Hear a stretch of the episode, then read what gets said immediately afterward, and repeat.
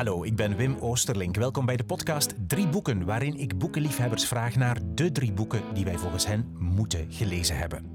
Mark Bulles, geboren in 1949, is emeritus professor management aan de Universiteit Gent en de Vlerik Business School.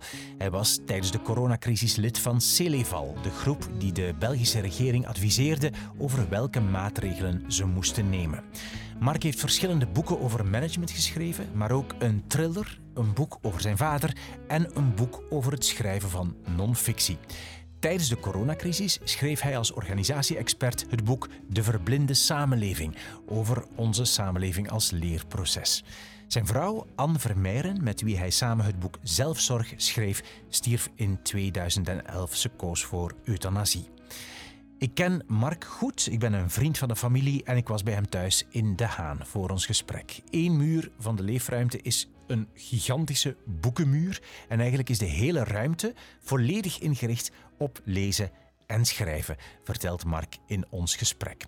We praten over de score die hij geeft aan de boeken die hij gelezen heeft en het enige fictieboek dat hij ooit een 10 op 10 gaf over de organisatie van zijn boekenkast en hoe hij de moeilijkste tekst moest schrijven toen zijn vrouw stierf. Alle informatie, alle details over de drie boeken en over de andere boeken en auteurs die we noemen in deze aflevering vind je op de website wimoosterlink.be bij drie boeken. En dan nu veel luisterplezier met de drie boeken die je moet gelezen hebben, volgens Mark Bulens. Ja, maar dat, is, dat was mijn kinderdroom. Hè? Een ladder, uh, dat moest een bibliotheek met een ladder zijn. En de kleinkinderen zijn daar dol op. Hè? Die, die, die hebben mij gevraagd, opa, hoe vaak per maand ga je nu zo op die ladder? En ik heb zo'n, wat men dan noemt, een autistisch trekje, een heel kleintje. En dan hou ik daar statistieken van bij. Hoeveel keer je op de ladder En ik heb het eens voor een maand gedaan. En halverwege was ik al aan, aan 18. En dan, dan kon ik dus schatten dat ik op jaar, op maandbasis, ongeveer zo 30 of 40 keer op dat laddertje kruip. Gemiddeld één keer per dag. Dat, is, dat zijn gemiddelden, hè. dat zijn gemiddelden. Uh, nee, je, dat gaat in groepjes. Dus als je bovenaan een boek hebt en je komt terug en je hebt je vergist, onderweg zie je iets, dat is zes, zeven keer en dan een week niet en dan weer. Dus uh, ja, maar dat... En dan, ja, dan krijgen ze van mij opdrachtjes. Hè. Zoek daar, daar heeft opa twee keer eens op het boek staan. Ja, dan kunnen ze op dat laddertje. Uh, dat is, dat is het, het spectaculaire, ja. En staan ja. er dan uh, boeken speciaal hoog, zodat je af en toe op de ladder moet om ze te pakken? Nee, omgekeerd. Bo boven staat mijn verleden. Dus het management staat boven, uh, de studies van Apollo 13 staan boven. Boven staat de boeken die mij nu niet meer zo interesseren, maar waar ik plots een vraag zou krijgen, gelijk nu over Apollo 13 en de crisis, zeg ik, ja, ik zal eens gaan kijken in mijn boeken. En die staan boven. Dus mijn verleden staat boven. Ah, ja. maar zo Apollo 13, wat is dat verleden? Uh, ja, ik heb heel veel lesgegeven over die crisis rond Apollo 13. Ah, ja. En dat is nu erg in wat kunnen we leren uit de crisisbehandeling van Apollo 13. Ah, vandaar. Uh, wat staat er dan nog in in de kast? Ja, links de thrillers, hè, daar staan de thrillers. Uh, ik heb ooit nog een thriller geschreven samen met mijn schoonbroer. Daar staan de Engelse pockets, je kan het zien. Hè. Je kan dus de Engelse van Penguin...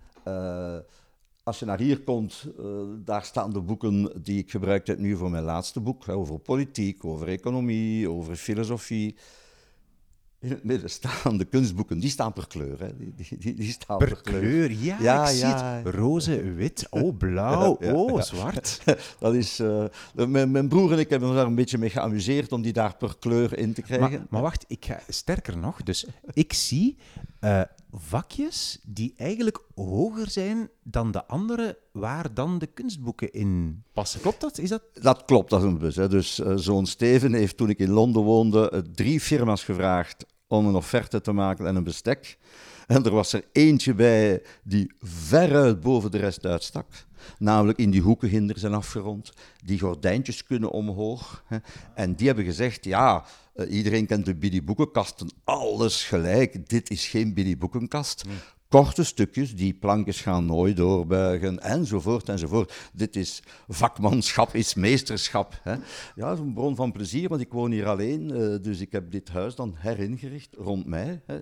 Vroeger stonden hier uiteraard zetels waar je gezellig kon zitten, maar ik ben hier alleen. En als er bezoekers komen, zijn er ginderzetels. uh, en dus ja, ook de, uh, meest centrale deel is ingenomen door mijn werkplek, waar ik schrijf en, uh, en studeer, en met blik op de velden. En ja, geflankeerd door mijn boekenkasten. Oh, ja. Dus wat zijn die blauwe? Dus dan, zijn, dan zaten we aan de gekleurde ja. kunstboeken en dan romans? Dan nee. kom je de romans. Ja, Toch, de romans, alle dingen die ik nu. Ik heb drie jaar literaire opleiding gevolgd, dus dat zijn de boeken die we moesten lezen, die ik wou lezen. Daar staan uh, de klassieke... Uh, daar bijvoorbeeld die vlak bij mij staan, de boeken die ik heb leren kennen van Jonathan Cole, Middle England. Hè. Uh, dat zijn boeken die dan medestudenten aanraden en die ik anders nooit zou ontdekt hebben. En dan zo stilletjes aan op het einde staan er dan de encyclopedieën. Gewoon voor de charme van een encyclopedie. Magna Carta? Ja, ja, dat is van een oom van mij, een reproductie van de Magna Carta. Ik ben een heel grote fan van de democratie en dat is een van de grote symbolen van de democratie. Uh, ja, dat is... Uh, Schoon. Ja, en ik ga altijd van de illusie uit dat je, als je naast een boek leeft, dat er een deel van de wijsheid van dat boek automatisch in je brein komt. Ik, ga, ik, ik denk als je, als je kindjes slapen en je gaat daar eens bij, dat die kindjes jouw liefde voelen, ook al slapen zij. En ik heb dat met boeken ook. Dat, uh, dat, uh, onbewust lees ik die dan ook. Wat een mooie gedachte. En als je leest, lees je, waar lees je dan? Daar in die zetel. Daar oh, in die ah ja. zetel. Je wijst nu naar een, een zwarte, echt zo een chique fauteuilzetel zo? Ja, ja, ja een, een stressles hè, met voetenbank. En de voetenbank van de andere stressles, die ligt dan naast mij. Daarop liggen dan de boeken en de tijdschriften die ik lees. Ah. Daar staan ook twee lichten om s'avonds laat ook heel goed te kunnen lezen. Ah, maar het is er echt op gemaakt hè, om te lezen? Nee, dat is ja, gekozen, maar niet gemaakt. Dat is, nee, nee, maar ik wil zeggen, ja, je, je hebt deze plek ingericht op lezen. Ja, boeken zijn bijzonder centraal bij mij. Sinds ik op pensioen ben, dat is nu al vrij lang geleden. Hè. Ik durf bijna niet meer denken, lang geleden al, al een jaar of zes, zeven zijn. Hè. Uh, ben ik fulltime schrijver, bij manier van spreken. Maar dat is een heel ruim begrip. Hè. Dus, en lezen en schrijven is hetgeen ik doe. Hè. Ik heb geen andere job meer, ik ben met pensioen. En dus dan kan ik schrijven. Uh, dat ja. is, uh... Was het moeilijk om drie boeken te kiezen? Nee. Nee, kies en win je keuze is altijd de slogan geweest van gans de familie. Dat is de slogan geweest van Weile, mijn vrouw. Dat is kiezen en win je keuze. En ik had heel snel, ik zie, ik moet beginnen met een non-fictieboek. Uh, dit is het boek, want ik geef aan mijn boeken die ik lees punten. Het enige roman die ooit een 10 heeft gekregen. En dan mijn lievelingsauteur. En dan ja, in de hitparade Bubbling Under. Hè, zoveel boeken die net niet in die top 3 staan. Heel veel. Uh, dat je zegt, hey, sorry, de regels zijn, ik ben gezagsgetrouw. Hè. De regels zijn drie boeken. Die drie boeken zijn het. Hè. Ja. Oké, okay. zullen we beginnen met het eerste? Het eerste boek. Wat is het eerste boek? Het eerste boek. Made to Stick van de gebroeders Hief, de plakfactor. Ja, dat is het in Nederlands boek. vertaald de plakfactor. De plakfactor ja, ja. Met een prit op de, op de cover in Nederlands. Ja, en in het Engels ook zoiets dat kleeft. Uh, al uw boeken, al uw versies hebben iets dat zo wat kleeft, dat je er moeilijk vanaf krijgt. Hè. Mm -hmm. Dat is de plakfactor. Dat is het non-fictieboek waar je van sprak, ja, absoluut. Uh, dat is een boek uh, dat volgens mij ook een van de beste non-fictieboeken aller tijden is. Vooral omdat het toepast wat het preekt.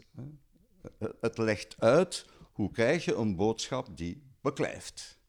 Uh, meestal, zeker als je lesgeeft, weet je bij je studenten oor in, oor uit, daar beklijft niets. Tot je plots een verhaal vertelt over iemand die je ontmoet hebt en de studenten de oren spitsen.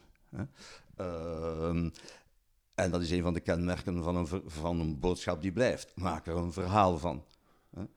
Vraag aan mensen om roodkapje na te vertellen. Ze zeggen niet, ik heb dat nooit op school geleerd, ik ben dat vergeten. Nee, en die vertellen dat juist na, in de juiste volgorde. Niemand maakt daar blauwkapje van, niemand begint met, oh ja, nee, dat, dus een verhaal heeft iets dat gemakkelijk blijft kleven. En die twee broers, uh, de ene is een prof, de andere is een journalist, uh, die hebben samen gekeken, ja, wat zijn de kenmerken van iets dat blijft kleven? En Chip Heath, de, de prof, is een grote naam in mijn vakgebied. Die had uh, Urban Legends bestudeerd. Dus wat zijn de meest onnozele verhalen die blijven plakken? In mijn jeugd was dat in die winkel, als je daar als meisje binnengaat, verdwijn je in dat kleedhokje en word je verkocht als blanke slavin. Dat werd hardnekkig altijd opnieuw verteld. Dat stond nooit in de krant. Je las nooit van meisjes uit dat dorp uh, ontvoerd. Maar je moest daar niet gaan passen, want er was een geheim luikje en dan werd je afgevoerd, waarschijnlijk naar China. En dat werd verteld ook door volwassenen, dat was zo. Er werden ook heel rare dingen verteld over Chinese restaurants. En die kenmerken van die rare stadslegendes, van die broodjes-aapverhalen, die had hij al opgelijst. En zijn broer, Denhief, die had wat onderzoek gedaan over wat zijn de beste leerkrachten. Als je terugdenkt aan je beste leraar scheikunde, hoe gaf die les? En zij stelde gewoon vast dat die twee kenmerken identiek hetzelfde waren. Hé, hey, hey, dat is een universele wet van dingen die blijven kleven. Als je die kenmerken dan leest, dan zeg je, ja, dat wist ik ook wel. Tot je mag een spreekbeurt geven en dan zie je dat je daar helemaal tegen zondert. Je maakt er geen verhaal van, enzovoort, enzovoort. Hè. En dat is een verhaal van maken, het eenvoudig houden, een tikkeltje emotioneel. Hè.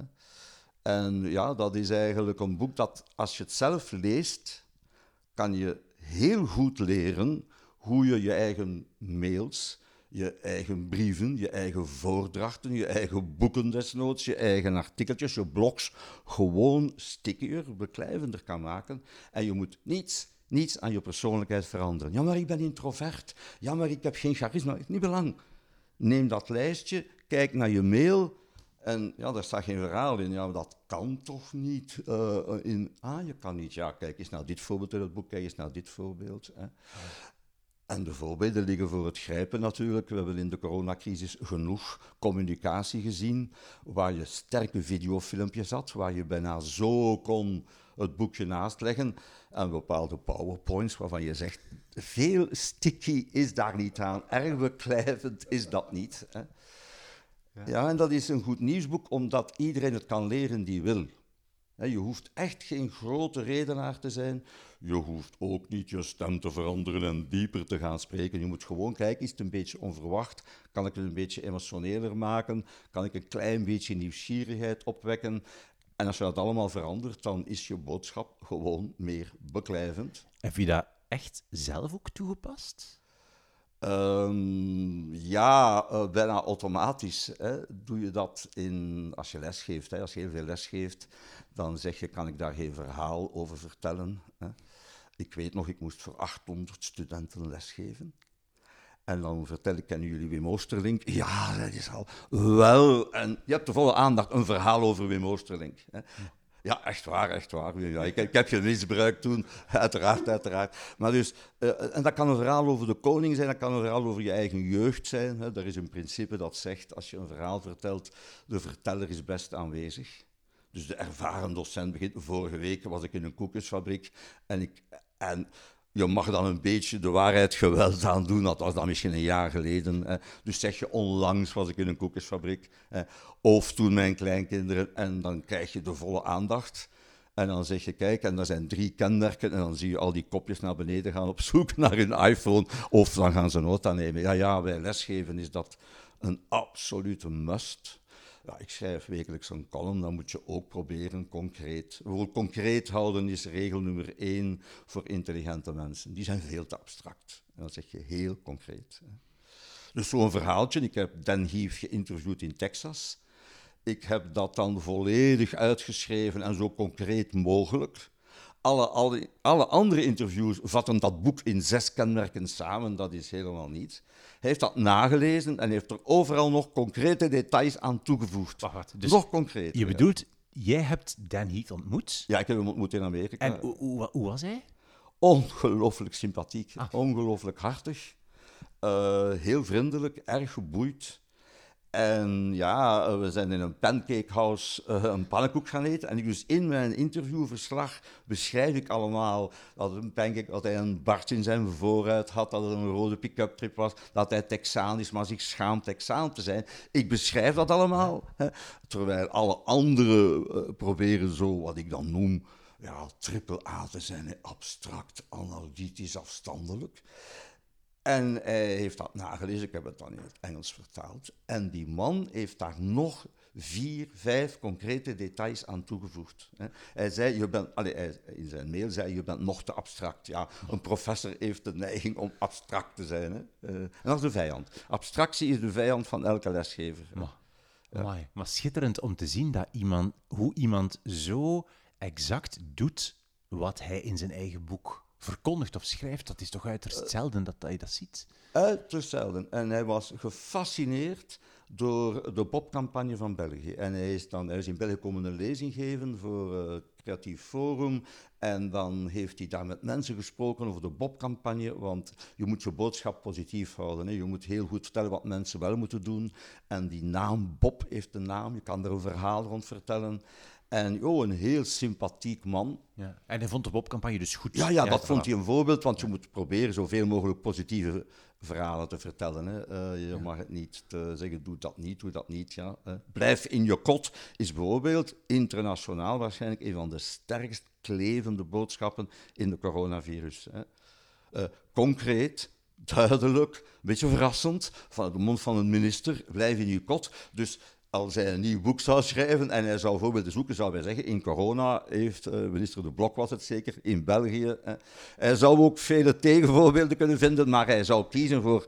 En dat boek staat vol met mooie voorbeelden van hoe je het wel kan doen. Hè.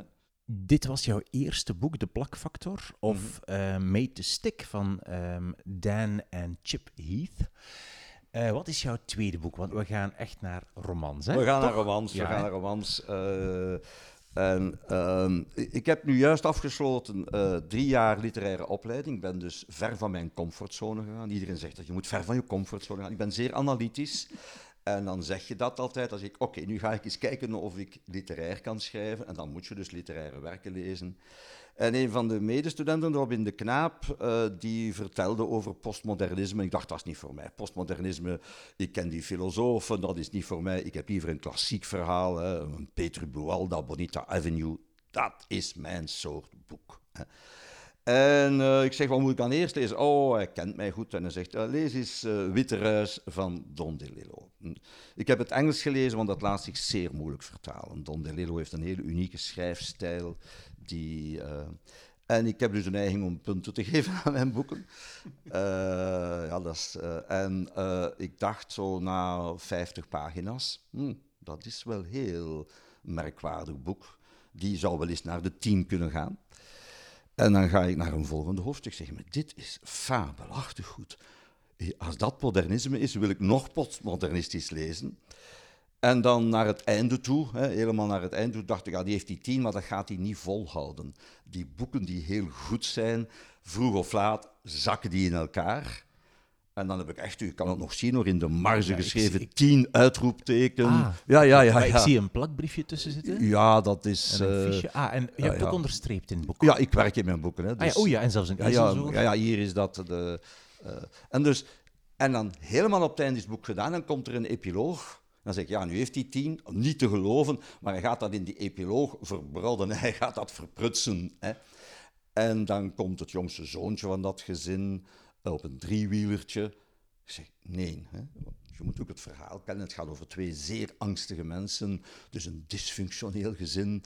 Die hebben samen zes kinderen uit vier huwelijken. Vier kinderen wonen nog thuis. En uiteraard dat de jongste kindje, eh, Wilpert of zo heet die jongen, eh, ik zou eens, ja, Wilder heet die. Hè. Eh, ja, dat, daar mag zeker niks mee gebeuren. En ja, dat jongetje gaat op zijn driewielertje plots naar een doodlopend straatje. Dat kan je normaal niet door, maar dat vindt een wegje. Ja, en dan zeg je, nee Delilo, nee, doe dat niet. Je hebt een gans boek de dood bestreden en jouw het lievelingszoontje van die mensen gaat nu... En dan, ja, hij schrijft heel, heel goed. En dan gaat hij zogezegd over naar een verslag van twee geschokte oudjes die uit het balkon naar dat jongetje met het driewielertje hadden gekeken. Zo uit een persverslag geknipt. Hè. En dan zeg ik, ja, natuurlijk, ja, Delilo proficiat. En doet hij weer een, een... Hij verandert weer, en dat ga ik niet verklappen wat hij dan doet. En dan zeg ik, ja, dat is de perfecte tien. Dit is de perfecte tien. Wa- waarom? Omdat het zowel qua verhaal als qua opbouw, als qua ideeëngoed, de ideeën die daarin staan.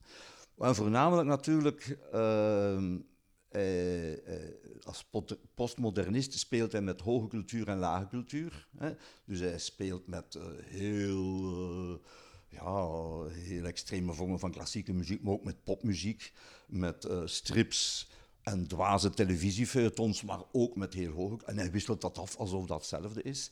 Maar voornamelijk, hij, spreekt over televisie. En hoezeer dat televisie en radio de werkelijkheid maskeren. En dat er geen verschil meer is. En je zegt, maar dat is internet. Dus die man in dat boek van 83, 84, die man die beschrijft exact een maatschappij van fake news, waar de mensen geen enkel onderscheid meer maken tussen werkelijkheid en niet-werkelijkheid. En uh, ja, dan ook zijn taal, hè, dus dat tweede hoofdstuk, dat plots volledig van uh, stijl verandert. Dat heet dan The Airborne Toxic Event. Ja, vertaal dat maar eens. Hè. Dat lijkt een popgroep te zijn. Dat is blijkbaar een popgroep die zo heet. Hè. En dan zeg je, hoe vertaal je dat? En dan wordt het eigenlijk vandaag, de dag van vandaag, wordt het zelf griezelig. Want als je nu op het ogenblik de corona volgt, dan krijg je over airborne particles. Kan COVID worden doorgegeven door zwevende deeltjes in de lucht? En hij beschrijft een soort gifwolk die drijft in de buurt van die familie en die zoon bestudeert dat en hij hoort andere berichten op de televisie. En die wolk bedreigt, maar niemand weet wie die wolk is. En ik dacht, dat is letterlijk corona. En op een bepaald moment zelf wordt het onduidelijk of dat wel een echte wolk is, of dat niet iedereen in een simulatie uh, optreedt. En dan heb ik zelf nog in mijn boek De Verblinde Samenleving gezegd, wij hadden dat moeten simuleren. Wij hadden met de maatschappij moeten zeggen, als ooit zoiets echt gebeurt, wat gaan we allemaal doen? En ik pleit daarvoor. En dan zeg ik, De Lillo, hoe is dat mogelijk dat je in 83, 84 eigenlijk de houding van de mensen, hij voorspelt niet het internet, de houding van de mensen tegenover het internet, de houding van mensen tegenover een vage dreiging, een schitterend deel, hoe de mensen op vlucht gaan in een bepaalde richting en dan plots draait de wind en moeten ze in de andere richting gaan. En vol humor. En hij heeft de naam van de meest visionaire schrijver te zijn.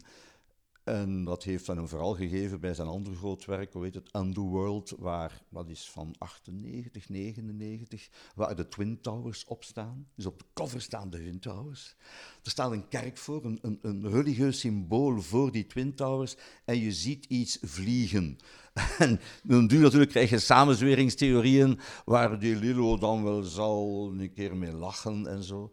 Maar ja, de manier waarop hij dat opbouwt en die personages tot leven wekt en technisch die dialogen voert, dan zeg je, ja, dat is de perfecte tien. Ik zou ook zo graag iets kunnen schrijven. Probeer je dat dan ook? Uh, uh, Kijk, als je zo. Het doet me nu denken aan, aan, aan Ronnie O'Sullivan, hè, die dan uh, snooker speelt en die even een 147 punten gaat scoren dan naar het prijzengeld vraagt. Hè, en dan vindt hij dat prijzengeld te laag. En opzettelijk mist hij dan een spotgemakkelijke bal als je maar zo weinig betaalt. Terwijl ik heb ooit eens aan een snoekertafel gestaan. Die ballen zijn zeer klein, die tafel is zeer groot en die gaten zijn zeer klein. En wat, wat wil ik nu zeggen? Ik wil daarmee zeggen dat als je dan misschien 60 of 70 punten kan scoren, dan besef je pas hoe moeilijk het is om 147 punten te scoren. Hè. Ja. Iedereen die tegen een wal stamt, die droomt ervan Messi te zijn, tot je een keer probeert één of twee mensen te dribbelen. Ja, dat is een onbereikbaar niveau. Dat is de perfecte tien. En als ik ooit aan zes of zeven ga, dan zeg ik zeer goed. Maar je probeert wel, want probeer, je hebt dus die schrijfopleiding waar je ja, van sprak gedaan. Absoluut, en dat is om, met de bedoeling om echt fictie te schrijven dan? Dat is de bedoeling, uh, om zelf een roman uh, te schrijven. Die zal worden uitgegeven en daar is dan een jury die dat beoordeelt. En, en je volgt drie jaar opleiding samen met een negental, in mijn geval, we waren met negen, negen mensen, waaronder die Robin die dan postmodernisme... En, en, het is al gedaan, de opleiding? Het is gedaan. Dus je kan het? Wel, dat is een delicate vraag. De, dergelijke opleidingen zijn bijvoorbeeld kunstopleiding. En die zijn nogal vaag qua doelstelling. en dan kom je als managementprof uit een omgeving waar men heel... En dan heb ik bijvoorbeeld in de eerste sessie gevraagd, dat was een verkeerde vraag zo, wij moeten hier aan elkaar feedback geven. Zijn er zo regels rond feedback? Ja, ik doseerde die vroeger, hè, let op. Nee, nee, gewoon zeg maar wat je van elkaars teksten vindt. Of dan zegt er een docent, wij spelen nooit de man altijd de bal. Tussen haakjes, jouw tekstmarkt trekt op niks en, dat, en je, dat, dat klopt niet en die dialoog is niet goed en dat en dat en dat, maar je mag dat niet persoonlijk nemen. Dan zeg ik, sorry, hier is een klein misverstand. Hier is een heel klein misverstand. Al wat iemand schrijft, neemt hij heel erg persoonlijk. Betekent dat dan ook dat je een roman al geschreven hebt? Ja, ja, ja, ja, ja. Ik heb vroeger nog eens een thriller met mijn schoonbroer geschreven. En mijn roman is nu klaar. De jury vond dat wel buitengewoon ambitieus, maar ik had het toch niet helemaal kunnen waarmaken. Je krijgt dan zo van die. Was je geslaagd voor de opleiding? Uh, volgens bepaalde criteria een beetje, volgens andere criteria helemaal niet. Dat bleef, we kregen allemaal voor elkaar een applaus. uh, maar eigenlijk heb ik tegen mijn kinderen gezegd, ik ben gebuist. Uh, ik heb het niet tegen mijn kleinkinderen gezegd. Uh, ja, dat, je leert daarmee leven. Hè. Tinne die zei van papa, dat wist je van de eerste dag, dat dit een kunstopleiding is. En daar is onder andere een soort norm waar ik, die ik niet deel. Hè. Van dat je persoonlijkheid gekraakt wordt als je mensen van academisch hoort. Dan toneelacademie, Studio Herman Terling, daar worden, wordt met menselijk potentieel gespeeld. Hè. Toen ik prof was aan de universiteit, kende ik een aantal mensen die echt aan de academie zaten. En toen vertelde ik, als ik maar als prof van de universiteit een derde zou doen, een derde zou doen van wat er bij jullie gebeurt, ik werd onmiddellijk bij de rector geroepen en je wordt als prof bijna nooit bij de rector geroepen. Maar in dat kunstonderwijs heeft men een bepaalde instelling. En ja, dat is een deel kunstonderwijs, groepsdynamica, connaît pas. Uh, en de, ja, dat is een andere norm dan degene van een business school. Mm -hmm. ja. ja is, en ga, gaat, gaat de roman dan gaan we die kunnen lezen ooit? Of is dat de bedoeling? Of? Dat is de bedoeling. Als je in die wereld opgeeft, ben je de echte loser. Het is niet omdat men jou in het publiek beledigt, omdat men jou als mens heel vreemd aanpakt. Het is niet omdat men, dat je wenend naar huis gaat, dat je dat moet opgeven. Dat is een van de manieren om in zo'n opleiding vol te houden. Ik kom van een business school, dat deden wij daar zo niet. Maar een business school opleiding is geen kunstopleiding. En ik, ik, had het onmiddellijk begrepen, natuurlijk, waarom mijn dochter ook zei van ja, maar ja, maar papa toch. dus je hebt twee soorten modellen. Je hebt een veldloopmodel en een expeditiemodel. In een veldloopmodel staat iedereen aan de startlijn, startschot gaat en iedereen loopt. En een jaar later is die roman klaar, of is, dat, is die presentatie klaar, of drie jaar later heb je de Nobelprijs gewonnen in de scheikunde, noem maar op. Hè. En wie onderweg valt, die valt, dat is jammer voor wie valt, daar wachten we nooit op. Hm? is ook geen selectie, hè. iedereen, dus dat is de vrije markt, dat is het kapitalisme, maar dat is ook de kunst. Iedereen die wil mag een roman schrijven. Tienduizenden mensen hebben tijdens corona een roman geschreven, zeker. Of poëzie, of die hebben hun memoires geschreven. Ja, er is wat geschreven hoor tijdens corona. En dat is een veldloopmodel. En één van die mensen, G.K. Rowling vroeger, of Lise Spit, zal op een bepaald moment met toeval of door groot talent worden opgepikt. Er zijn duizenden mensen die leuke thrillers schrijven. Dan Brown, bij zijn derde poging, hij had bijna opgegeven, is opgepikt. De katholieke kerk heeft reclame gemaakt van zijn roman. En Dan Brown geeft nu zelf schrijfcursussen. Alhoewel er sommige mensen zeggen, de man kan geen enkele deftige zin schrijven in het Engels, maar kan wel goede thrillers schrijven. Dus dat is het veldopmodel. Start, en wie valt, valt. En die blijft thuis, die komt niet meer, die geeft op. En dan heb je een expeditiemodel, je wordt geselecteerd. Men kijkt naar je basisvaardigheden en je kijkt of je het kan. Kan je een dialoog schrijven? Kan je een deftige Nederlandse zin schrijven? Kan je een structuur uitbouwen? Dat zal men moeten doen. En dan kan je gedurende twee of drie jaar samen aan die roman werken en dan wacht je op de zwakste. Als die één les niet komt, dan krijgt hij een telefoontje van de coördinator, van de medestudenten. Wat is er? Ja, maar het is moeilijk, heb het moeilijk. Oké, maar kunnen wij de lessen niet verschuiven, want wij willen jou niet verliezen. Want wij hebben jou nodig op het moment dat het zal gaan over levensechte personages. Want jij hebt heel veel levenservaring. Dus, en dan begeleid je zo'n groep met een groepsdynamica van een expeditiemodel. Want dan heb je ook geen eindexamen alsof het een veldopmodel is. Maar in die wereld mag dat allemaal door elkaar lopen. En je moet dus vooral overleven en niet opgeven. En dat is typisch in de kunstopleiding.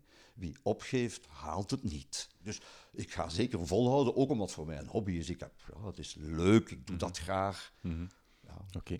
Ehm, ik heb nog een vraag over de puntengeving. Ja. Dus je zei dat... eh, was dat het eerste boek dat je 10 op 10 gaf? Zei je dat nu? Nee. Eh, in eh, fictie. In Ik, heb, ah, ja. ik heb negen gegeven aan Wil van Olieslagers en Ah. negen aan het boek dat zelfs zal komen. Ik heb Ah. negen gegeven aan Connie Palmen, Welk, welk van Connie Palme? eh, De Vriendschap. Oké. Ja, ik ben een grote Connie Palmen-fan. Ik vind, oh, dat is En- een auteur die het analytische, het filosofische combineert met het passionele. Ja. Is er iemand die 1 op 10 gekregen heeft? Eh, twee of drie op tien eh, af en toe, maar ik lees niet uit als het heel slecht is. Tenzij ik een boek lees voor mijn eigen opleiding, ik ga dat nu volledig lezen. Ik heb wel hier en daar een boek twee of drie op tien, maar dat ga ik niet. eh, dat vergeet ik ook, dat dump ik van mijn... Maar bijvoorbeeld in de non-fictie heb ik Harari Sapiens 10 op 10 gegeven. Dat En is- dingen ook, de plakfactor ook. Nee, dat, heb ik- dat was, ik heb dat gelezen voor ik punten gaf. Ah, Dus ik ben sinds, als ik aan mijn opleiding begonnen ben, dus drie jaar geleden, ben ik elk boek dat ik las eh, beginnen punten te geven. Oké. En een kleine samenvatting om, ja, je moet leren. Een En goeie- waar, ja. waar, waar hou je dat dan bij? In een Excel-sheet, dus ik kan van elk boek dat ik de laatste drie jaar heb gelezen, in mijn Excel-sheets, boeken 2019, hè, het boek van Harari, Sapiens, dat boek, dat boek, eh, Aantal punten. Aantal punten. Datum ja. uitgelezen, Ja, waarschijnlijk. jouw boek heeft ook punten. ge- Nee, nee, nee, nee, nee, ik zie alleen, jouw boek heeft ook punten gegeven Ah, met commentaren. Een 8, Wim een 8. Grappig, eh, hard aan gewerkt, zeer homogeen. Ja, je kreeg dan wat commentaren. dus Genoeg ja. over mijn boek. Zeg, eh, Ja. las, je, las je als kind al veel? Strips. Wij hadden heel veel strips thuis. Dus eh, ja, de, de, de Suskes en Wiskes, we hadden ze allemaal. De allereerste Eiland Amoras, Bibbergoud, dus in de originele versie. Hè, met nog Schallulke en Sidonie, hè, die, die dingen die niet meer mogen sinds Nederland ook. Hè. De oudste Nero's, het Rattenkasteel. En wij hadden eigenlijk geen boeken thuis. Wij hadden geen boeken. Eh, en dan... eh, Omdat, omdat je ouders niet, niet lazen? dat is, ik heb het met mijn broers besproken en dat is een mysterie, die lazen wel, maar wij weten niet waar ze die boeken hadden. Dus Aster Berkhoff, de man die onlangs gestorven is, veel geluk professor, mijn moeder vertelde daar met guitige oogjes over. Dus dat had ze gelezen. Mijn vader heeft me nog verteld, The Day of the Triffids, dat is een science fiction roman, ik heb die dan ook gelezen. Dus die lazen wel, maar wij, hebben, wij weten nu nog altijd niet. Er was geen bibliotheek. Wij woonden in Molenbeek, echt vlakbij die wijken waar je nu beter zogezegd niet komt. Daar woonden wij vlakbij. Daar was geen bibliotheek voor Vlamingen. Dat was een stad ook. Eh, dus ik kende geen bibliotheek. En, en je las dus strips, want die waren wel thuis. En hoe ben je dan met boeken aanraking gekomen? Wanneer is dat begonnen? Eh, ja, na een tijd natuurlijk kom je wel eens op school. Hè, dus in de lagere school eh, stond er dan een boek. Ik weet nog, in het tweede studiejaar een boek. En dat- ik weet nog, De Libelle. En dan waren dus lettertjes en dat kon je lezen. Dus ik las dan in de school af en toe zo'n boekje. Maar ik kon die niet uitlenen, denk ik. Tijdschrift. Nee, dat was een boek. Ah, dat was Libelle een boek. was een boek, oké. Dat was een boek. Nee, de- Ik dacht, de Libel. Nee, nee, nee, dat was een boek. Maar mijn grootouders waren geabonneerd, onder andere op Humo Radio. En daar stonden wel kortverhalen in. En ik herinner me, dat was later, dat The Catcher in the Rye, de vanger in het koren of zo, van Salinger, is in Humo, Humo Radio, in afleveringen verschenen. En ik las dan bij mijn grootouders eh, in die tijdschriften, eh, voorwaarts kameraden, wij moeten terug over de terugtocht van het Duitse leger. Ik was een jaar of 12, 13.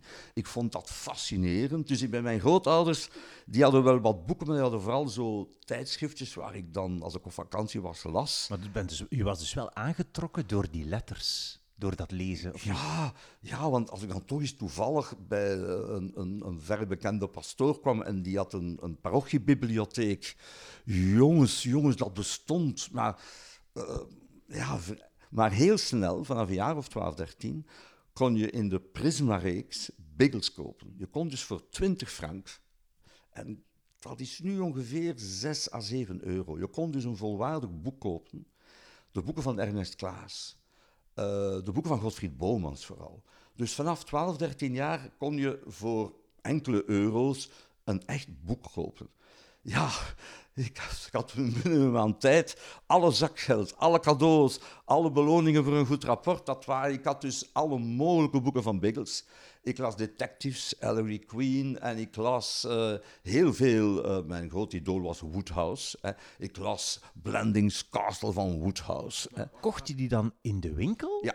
In, in, in, gewoon in een echte boekenwinkel? Uh, die werden ook verkocht, laten we zeggen, in de betere krantenwinkel. Dus Ah, ja. wat we nu kennen is dat er, ja, je, je wist de weg waar je die Biggles boeken kon kopen. Biggles. Wat is Biggles? Biggles, Biggles is een, een piloot die uh, met zijn vrienden uh, de hele wereld afreist. Ah. Zijn geschiedenis begint in de Eerste Wereldoorlog. Er zijn strips van gemaakt, films gemaakt. Dat is dus een enorm uh, figuur, een figuur, hè. ja.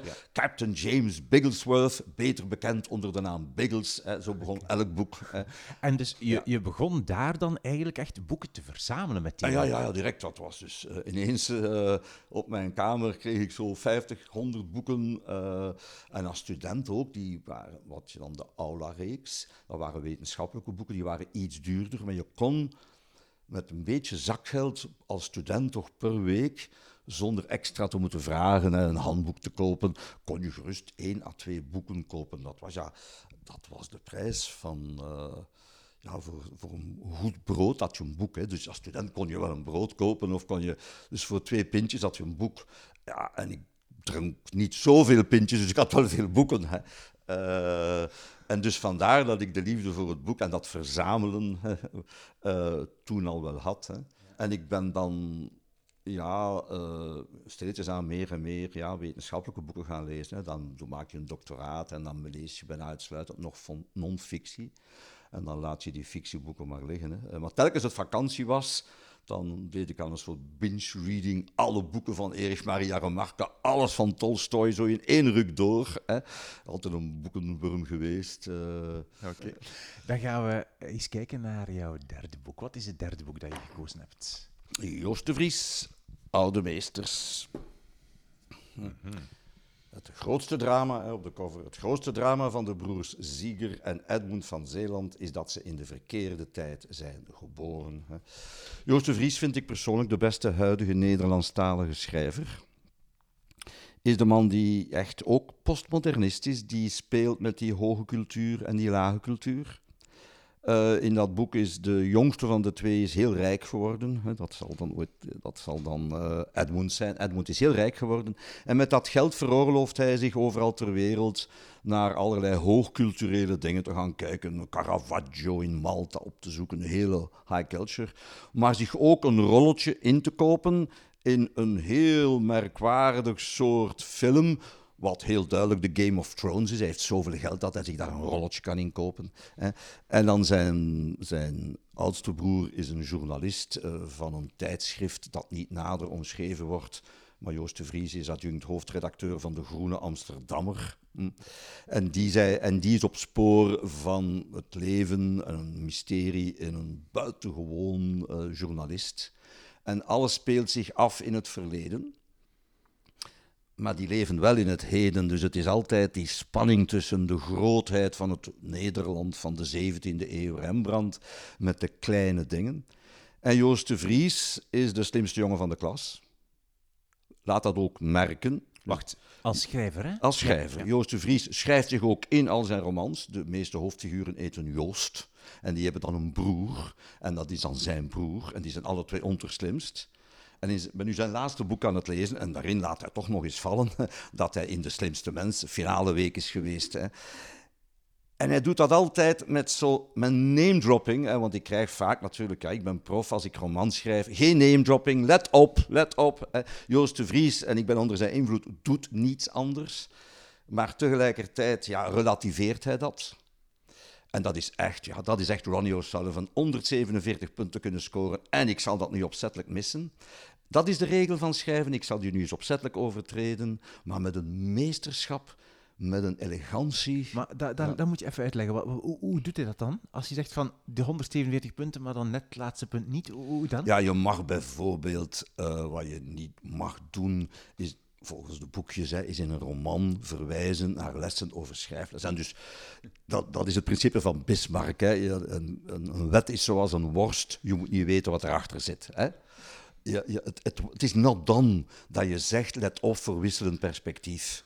Het is not done dat je, als je een ik-verteller hebt, die heeft altijd het probleem, hoe zie ik eruit? Dus je kan moeilijk zeggen, ik stond uit het raam te kijken, dan mag je, en ik zag de velden. En ik keek, ik keek naar mijn bruin getaande huid, want ik heb toch een mooie kop haar. Dat is heel moeilijk. Dus wat zegt men dan in de schrijfcursussen? Wat kan je doen?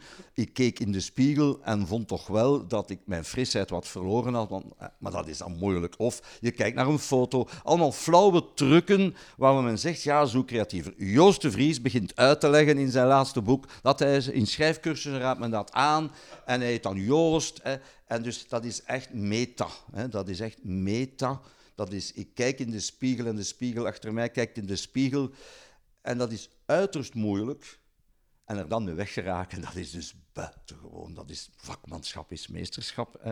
En dus wat hij doet, hij provoceert heel graag. Is onwaarschijnlijk pretentieus. En op het moment dat hij super pretentieus zegt, hij, het is niet gemeend hoor, ik ben ook maar een gewoon een dwaze jongen en ik heb schrik van in het water te gaan. Hè. En hij gaat dan zo ver, hè, want ik ben een echte Joost de Vries fan. Hij heeft dus een boek geschreven over pretentieus zijn, echte pretentie. En daarin brengt hij ode aan de pretentie. En hij argumenteert dat goed, maar natuurlijk is er een hoofdstuk bij, zegt dat is natuurlijk allemaal. Hè. Salvatore Dali deed dat ook, hè, van je moet jezelf zelfverheerlijking. Hè, dat is een typisch iets dat vele kunstenaars moeten doen. Hè. Als je dat niet doet, heb je, het, je moet dan zelfverheerlijking doen. Als je een stille introvert bent in een hoekje, ja, probeer dan maar in die kunstwereld door te spreken. Je moet zeggen, ik ben de beste. Hè. Herman Brusselman zou ook op zijn manier, ik ben de grappigste. Hè. Tom Lanois doet Als je dat niet doet, ja, dan, waarom gaat ooit iemand een van jouw boeken... Dus hij doet dat extreem. Maar hoe voel je dat aan? Voel je hem aan als arrogant of als briljant? Of, of als dat, dat hij ermee lacht met het principe wat je nu vertelt? Uh, briljant, briljant. Dus uh, ik denk altijd, don't try this at home. Dat moet ik niet proberen. Ik heb al pogingen gedaan en dan krijgt iedereen zo... Ja, dat doe je niet, dat doe je, dat mag niet. En, en ik, ik heb eens het woord Bayesiaans in een tekst gebruikt. Dat mag niet gebruikt worden, de lezer. Hè. dan zeg ik, nee, dat mag niet gebruikt worden. Heb je al eens een boek van Joost de Vries gelezen? Je wordt verondersteld al die kunstenaars te kennen...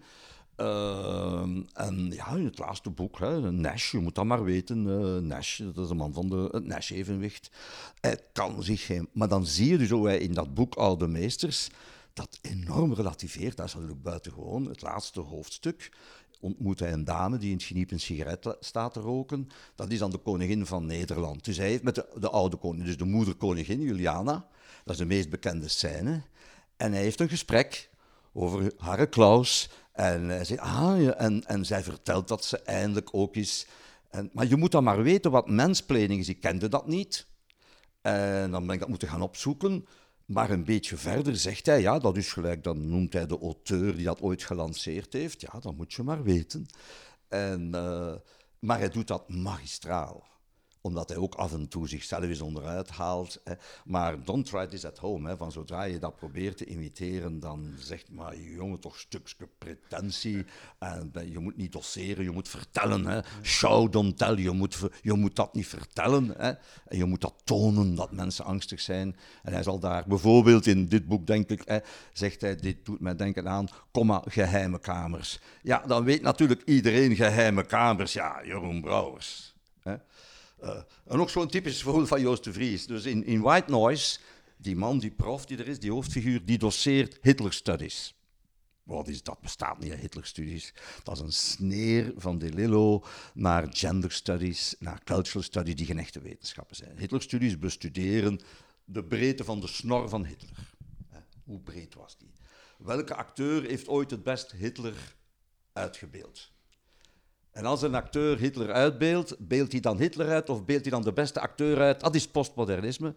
Onze vriend hier Joost de Vries uh, in zijn vorig boek, uh, wat is het hier? De Republiek in Vlaanderen, erg populair. Josip Brik, popfilosoof en professor in de Hitlerstudies.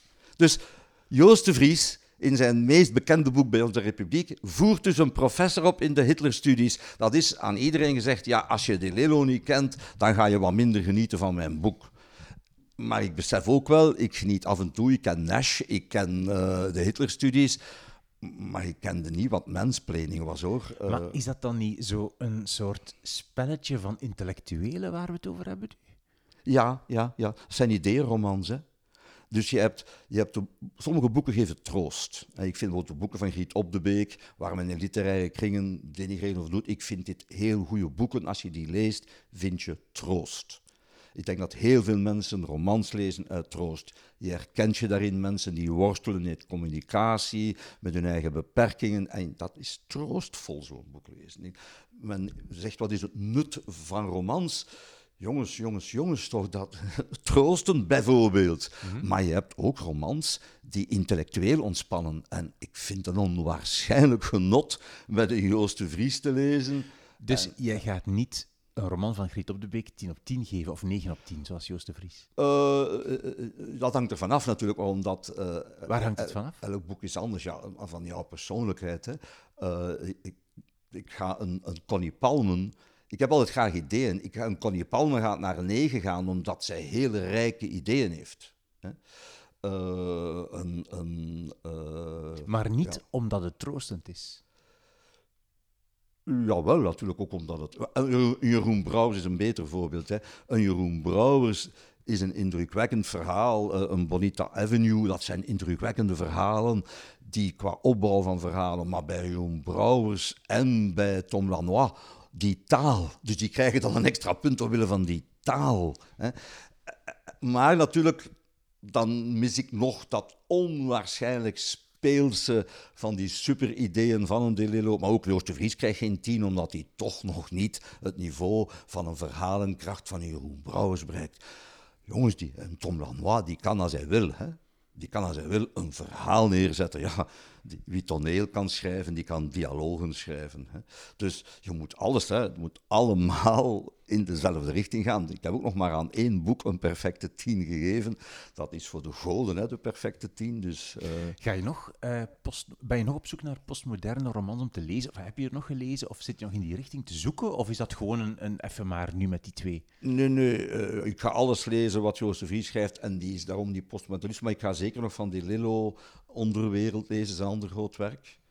Uh, en misschien nog, uh, nog andere boeken, maar uh, ik ben door corona eigenlijk vermoeid geraakt. En dus ik heb, het, ik heb het moeilijk om te lezen op het ogenblik. Het is heel Hoezo? vreemd. Fysiek? Ja, nee, niet zozeer fysiek, maar mijn geest is nu ook door cellenval, door dat boek te schrijven. Door...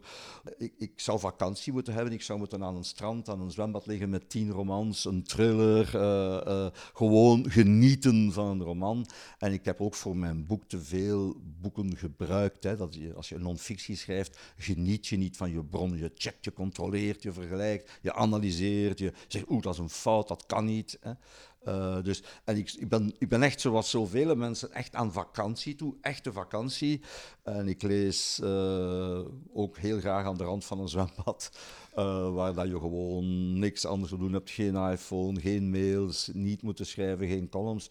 En helaas kan dat niet en dat zal waarschijnlijk de volgende maanden nog niet kunnen. Dus ik zou ergens moeten vakantie vinden. Uh, maar thuis kan ik geen vakantie nemen. Ja, dat is, niet, dat is geen vakantie. Ik wil nog even um, het over uh, Anne hebben. Anne, ja. jouw vrouw, die gestorven is ja, negen, jaar, jaar geleden. Ja, Um, ze heeft gekozen voor euthanasie. En ja. je, jullie hebben samen eigenlijk een zeer um, merkwaardig. Eerst zelfzorg Ja, ja. een zeer merkwaardig boek is. Ook voor mijzelf, dat heeft echt zo mijn leven veranderd. Mhm, mhm. Echt.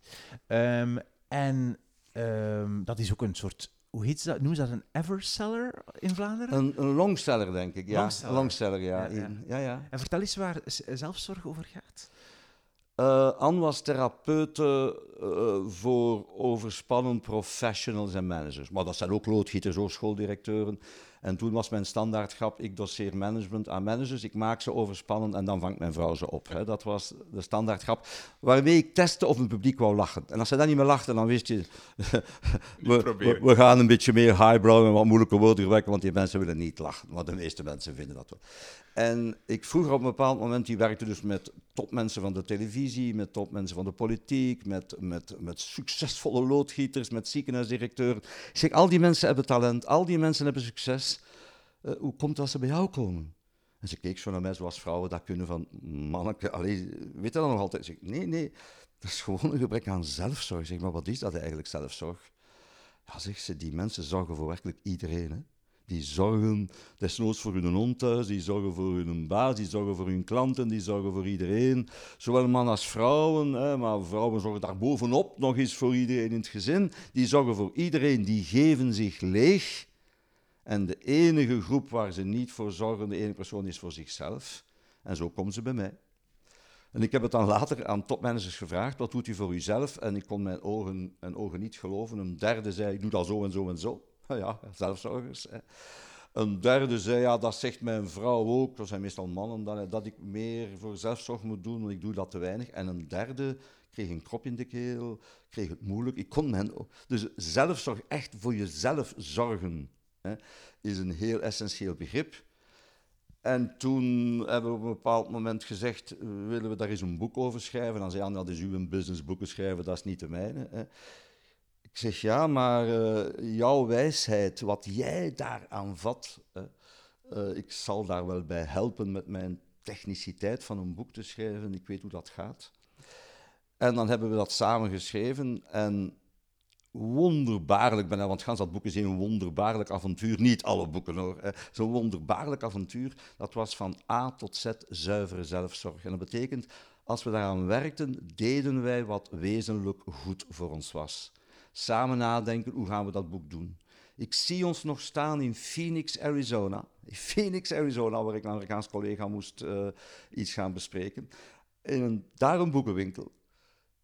Tien meter lang, een schap van tien meter lang. Op manshoogte. Allemaal vol boeken over self-development. En dan zei waarom zouden wij er nog een schrijven? Er zijn er hier al. Ik zeg, nee, nee, nee, nee, nee. Er is nog nooit één door ons geschreven. Dus mensen die zeggen, waarom zou ik nog een boek schrijven? Daar is al, alles is al geschreven over de liefde, over alles. Alles is al geschreven over avontuur, maar nog nooit door jou.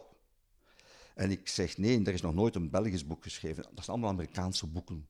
Al die voorbeelden zijn Amerikaans. We gaan Belgische voorbeelden nemen. En we gaan het, maar de theorie staat in die boeken. En dan komt natuurlijk mijn training met een doctoraat in dat gebied.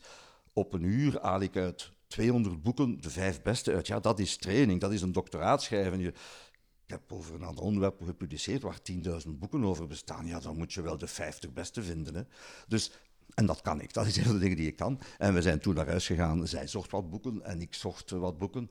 Ik ging toen naar Londen natuurlijk ook. En ik ging daar bij de Waterstones, uh, in, waar ik wist waar die boeken stonden. Tien. En we hadden dan, dan zijn we drie dagen naar een hotel getrokken.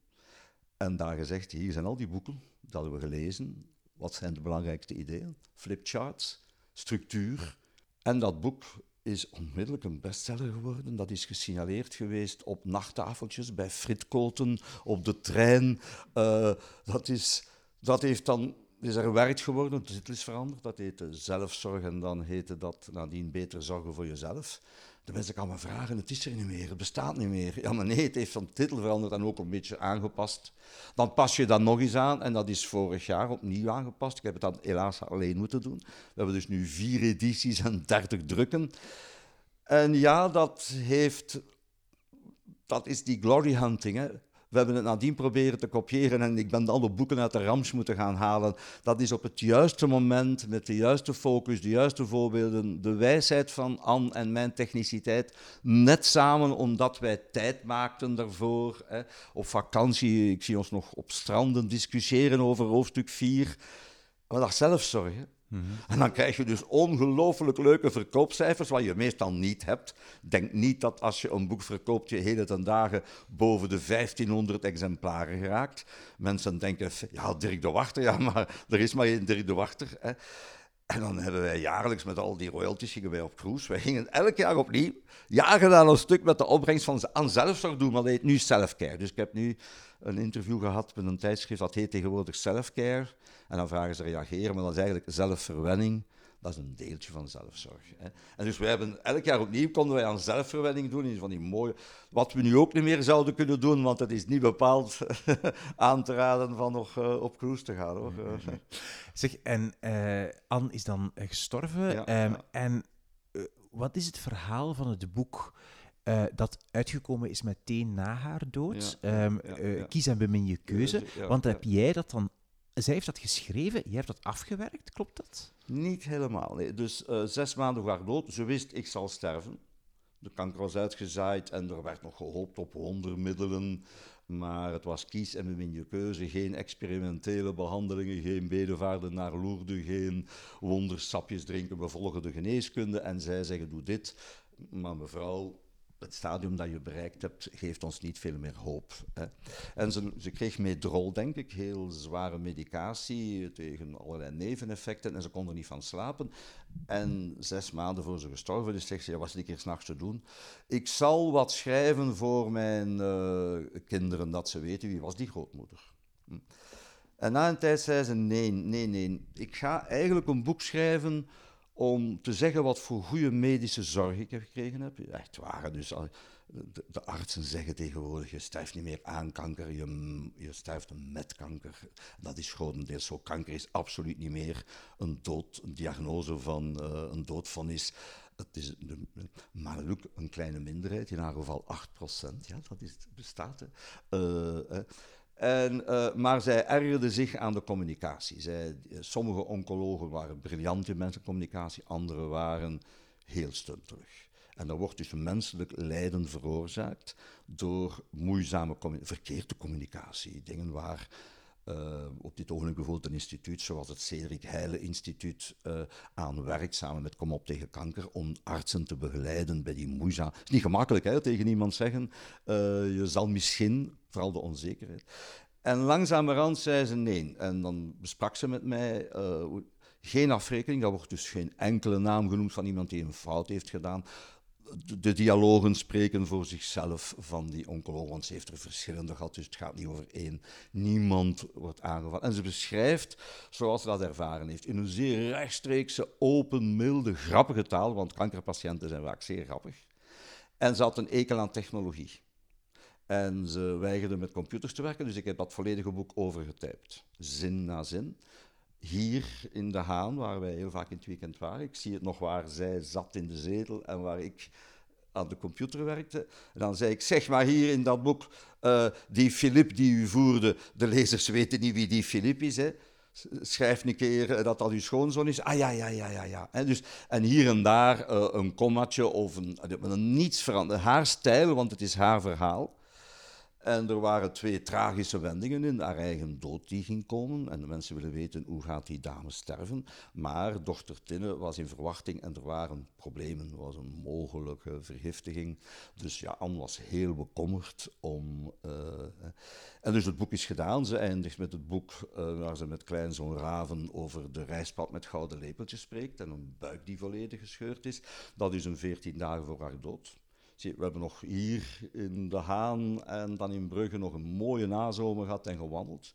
En op een zondagochtend heeft ze naar Wim Distelmans gebeld en gezegd, wanneer denk je? En Wim zei, zeg eens dit, ja, het is tijd, want er waren twee kankers tegen elkaar in competitie, heel vreemd.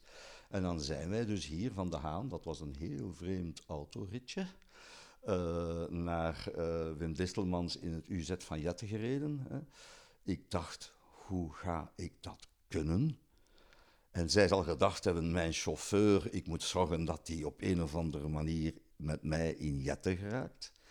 En wij hebben toen van de meest intieme en boeiende gesprekken gevoerd over wat hebben. Ik zeg, maar hoe heb je dat kunnen volhouden? Was altijd opgewekt, altijd vriendelijk. Ja, zeg maar, ik had geen pijn. En ze ging met mensen eten, afscheid nemen en al heel veel, ik had geen pijn. En dan is zij zo uh, naar de kliniek gegaan, heeft ze nog een grapje gemaakt bij het onthaal, heeft ze nog troostende woorden gesproken met de verpleegkundige. Ja, we moesten natuurlijk even wachten, typisch in ziekenhuizen. Ja, als je niet wacht, ben je niet in een ziekenhuis. Hè. En dan is Wim Distelmans gekomen, die dat ja, met een onwaarschijnlijk respect. En volgens de procedures, ja, ik ben een managementdeskundige, dus daar zijn procedures bij euthanasie. En die heeft dus die, en nog eens vragen, dat, tot het laatste moment vragen ze of je wel degelijk wil. En Anne zei, dit is het mooiste cadeau, want ik wil niet aftakelen, ik wil niet eindigen. Dus dat is het verhaal. En natuurlijk, de lezer moest nog, moest nog weten dat mijn kleindochter Ode, dat die gezond en wel is. Ze had samen met dochter Tinne de naam gekozen van, niet de naam gekozen, de tweede naam, Ode had En Filip gekozen, maar uh, de, de, tweede naam was Vita, Ode aan het leven. Hè. Uh, en dat dochtertje was dus gezond. En dan was natuurlijk ook nog de vraag, hoe is ze gestorven? En ik kon dat niet schrijven, ik kon dat niet schrijven. Ja, je moest, moest, iemand moest dat schrijven, hè. maar ik kon dat niet schrijven. Dat was, dat was emotioneel veel te sterk. En dan dus de, de, de redactrice, die dus het manuscript, die moest met mij verspreken, wat zou ze hier bedoeld hebben? Dan moest ik in haar plaats invullen. En is het goed dat we die zin schrappen? En dat is waarschijnlijk toch een overbodige zin. Ja, dat is wel... Dat ging zeer goed. En ze zegt, ze krijg het niet geschreven. Dat krijg ik niet geschreven. Ja, zegt ze, kom, we gaan eens samen uh, iets eten. En ik weet nog in de Vlaanderenstraat in Gent, in dat café, een spaghetti gegeten. Ze vertel eens wat er gebeurd is. En ik vertel dat. En ze zei, als je wat details weglaat, probeer dat zo uit te schrijven zoals je het mij vertelt. Hm. En dan heb ik morgens om vijf uur aan mijn computer in Bornem dat in één ruk uitgeschreven. En het is de enige deel van mijn boeken ooit waar de taalredactrice bijna niets aan veranderd heeft. Dus dat was in een soort flow, in een soort. Hè. En dus dat is dan uh, enkele maanden na haar dood voorgesteld voor de vrienden, de familie in een grote zaal. Uh, dat was de geschiedenis van het boek Kies en we min je keuze. Wil jij jouw drie boeken nog eens herhalen, alsjeblieft? Uh, de Plakfactor, Mee to Stick van de gebroeders Heath, Dan Heath en Chip Heath. White Noise, uh, Witte Ruis van Don De Lillo. En dan uh, Joost de Vries, Oude Meesters. Dankjewel voor jouw drie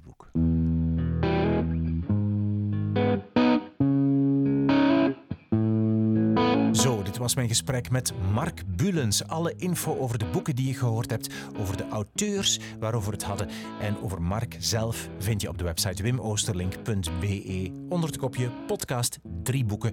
Je vindt daar ook alle oudere afleveringen van deze podcast terug. Uh, als je mij plezier wil doen, laat dan aan twee mensen, vrienden of vriendinnen, weten dat ze ook eens naar deze podcast moeten luisteren. Dankjewel voor het luisteren en tot de volgende keer.